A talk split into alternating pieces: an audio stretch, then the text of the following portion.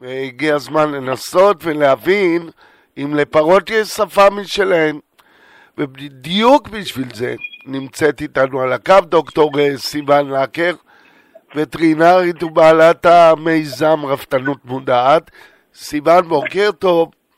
בוקר טוב, מה מה קורה? שלומך? אני בסדר, מה שלומך? אני בסדר. אז אה, איזה חשיבות יש לתקשורת אה, קולית בבעלי חיים? כי אני יודע שהם מתבססים גם על אה, תקשורת ויזואלית, כלומר של נכון. ראייה ותקשורת של חוש הריח. נכון מאוד. הם משתמ... יש תקשורת גם כזאת, הם משתמשים בה, אבל החשיבות של התקשורת הקולית היא חשובה בעיקר בבעלי חיים שחיים בקבוצות חברתיות גדולות, בחיות עדר, אמ, וזה במיוחד שהם לא יכולים להשתמש באותות הוויזואליים או אותות אה, של חוש הריח, בגלל שהם מרוחקים אחד מהשני למשל. אמ, עכשיו, בגלל שהם חיים בעדר, אז יש להם חשיבות מאוד גדולה לזהות אינדיבידואלית, כאילו, אחד את השני. אה, כשמדובר נגיד בהורה שצריך לזהות את הצאצא שלו ולהפך, והם לא נמצאים אחד ליד השני, אז זה עוזר להם בעזרת הכל לתקשר אחד עם השני. אה, ונגיד פרות יכולות להבחין בין גאיות שונות, לקבל זיהוי פרטני מי זה מי. עכשיו זה חשוב במיוחד כי נגיד האימא חייבת לזהות את הגאייה של העגל שלה מכל שאר העגלים כדי שהיא תדע להניק דווקא אותו, ועגל צריך לזהות מבין כל הגאיות דווקא את הגאייה של אימא שלו כדי לדעת מי תיתן לו חלב. אז הזיהוי הקולי הוא מאוד חשוב, במיוחד בחיות עדר. אז איזה אינפורמציה בעלי חיים מסוגלים להעביר ולקלוט בעזרת תקשורת קולית? חוץ מהזיהוי שדיברתי עליו, אז אה, תקשורת קולית מעבירה כל מיני סוגי אינפורמציה, בגלל זה הם, אה, הבעלי חיים משתמשים בה באינטראקציות חברתיות שונות. אה, אני יכולה לתת כמה דוגמאות, אה, נגיד אה, הם יכולות לקבל אינפורמציה לגבי תכונות פיזיות של מי שמפיק את הכל, נגיד כמו משקל הגוף שלו, אה, הגיל שלו, הסטטוס החברתי שלו, אה, נגיד בין אה, זכר ונקבה, אז הם יכולים לקבל אינפורמציה בעזרת הכל על איכות של בן הזוג.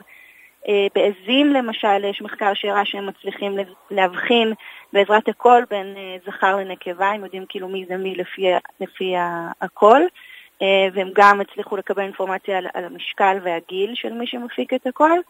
אה, ומה שאמרתי מקודם, נגיד עם הגאיות של האימא ושל העגל, אז יש איזה מחקר אחד שהראה שהם פשוט השמיעו לעגלים ולאימהות הקלטה של בליל כזה של כל מיני גאיות, וברגע שהאימא שמעה את הגאייה של העגל שלה ספציפית מתוך כל הגאיות, אז, אז רואים תגובה אצלה, זאת אומרת רואים שהיא היא מרימה את האוזניים, שהראש שלה מתרומם פתאום, שהיא מחפשת את העגל, ואותו דבר הפוך, כשהשמיעו לעגלים כל מיני הקלטות, אז ברגע שהוא שמע את הגאייה של אימא שלו, אז פתאום הוא, הוא התעורר כזה לחיים. אז ממש יודעים מתוך כל ה...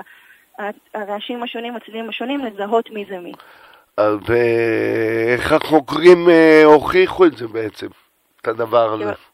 חוקרים את זה. Um, בהתחלה, במחקר מוקדם בתחום הזה של uh, תקשורת קולית, אז הם התמקדו בעיקר בפרמטרים שקל למדוד אותם, כמו תדירות של גאיות, כל כמה זמן גויים, העוצמה של הגאייה, לאורך, לכמה זמן הגאייה נמשכת, והסתכלו על התגובות ההתנהגותיות של מי ששומע את הגאיות. אבל בשנים האחרונות אז, אז uh, הם משתמשים בשיטה חדשה, זה, זה, זה איזושהי תיאוריה, קוראים לה תיאוריית הפקת קול, um, שקוראים לה source filter, שבעצם זה מאפשר לחוקרים לתאר בפירוט את, ה, את המבנה והשונות בין פרמטרים אקוסטיים שקיימים פגיעות של בעלי חיים.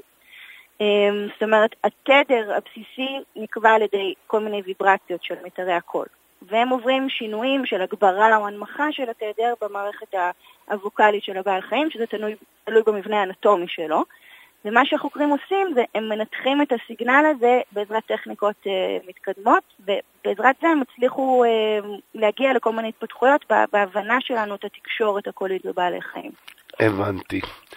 טוב, בואי, בואי נחזור רגע לפרות. מה, אוקיי. מה גילו לאחרונה עליהם, על התקשורת הקולית שלהם? אוקיי, כשבהם התחילו להשתמש בטכניקות האלה, אז, אז אה, הם הבינו שלפרות יש גאיות אה, שונות במצבים שונים. למשל, אה, גאיות שהן בתדר נמוך, סביב ה-80 הרץ, שהפרות מפיקות אותן כשהפה שלהן סגור או, או פתוח, קצת, קצת פתוח, אז הגיות מהסוג הזה מופיעות במיוחד אצל פרות שלושה עד ארבעה שבועות אחרי, אחרי ההמלטה. עכשיו, בדרך כלל זה קורה מתי שהם בזמן של מנוחה, כשהעגל קרוב אליהם פיזית. אז יש את הגיות עם התדר הנמוך הזה, ובעצם התיאוריה של החוקרים אומרת שגיות מסוג כזה עוזרות לפרה ולה, ולעגל לזהות אחד את השני. כאילו הם לומדים כזה להכיר אחד את השני לפי הגיות האלה עם התדר הנמוך. לעומת זה גיות בתדר שהוא גבוה יותר, סביב ה-150 הרץ, אה, זה גיות שמופקות כשהפה של הפרה פתוח, וזה גיות שהן חזקות יותר. וזה דווקא קורה כשהן רחוקות, כאילו כשהפרה והעגלה רחוקות אחת מהשנייה, שהן לא רואות אחת את השנייה, שהן לא יכולות לארח אחת את השנייה, ואז יש איזשהו סוג של חיפוש אחד של השני, ואז יש באמת הגיות עם התדר הגבוה, שהן מפסיקות ברגע שהם מוצאים אחד את השני, שהם נפגשים, אז כל הדבר הזה מפסיק. הבנתי. ומה הקשר בין כל הידע והמחקר הזה לתכלס, לרווחה של הפרות כן. אצלנו ברפת? אוקיי, אז אנחנו יכולים בעזרת ה... אם נצליח לנתח את זה כמו שצריך את הגיאות האלה, אז נוכל בעזרת זה להעריך את, את מצב הרווחה ברפת. כאילו, אם אני, אם אני אכיר את הקולות שפרה מפיקה במצבים שונים, נגיד כשטוב לה או כשפחות טוב לה, אז זה יכול לעזור לנו לקבל אינדיקציה אם יש רווחה טובה או פחות טובה ברפת, לפי ניתוח של הגיאות, של הפרות. אמ, שזה בעצם המחקר מוביל לשם, להפוך את זה למשהו שאפשר ממש, משהו טכנולוגי שאפשר להיעזר בו. אז אם באמת הם הצליחו לחקור את המבנה האקוסטי של הגאיות, אז, ואת האינפורמציה שמקודדת בתוך הגאיות עם הטכניקות שדיברתי עליהן, אז, אז אפשר לקבל הרבה אינפורמציה על המצב הפיזיולוגי והרגשי של הפרות, ולהיעזר בזה. אוקיי.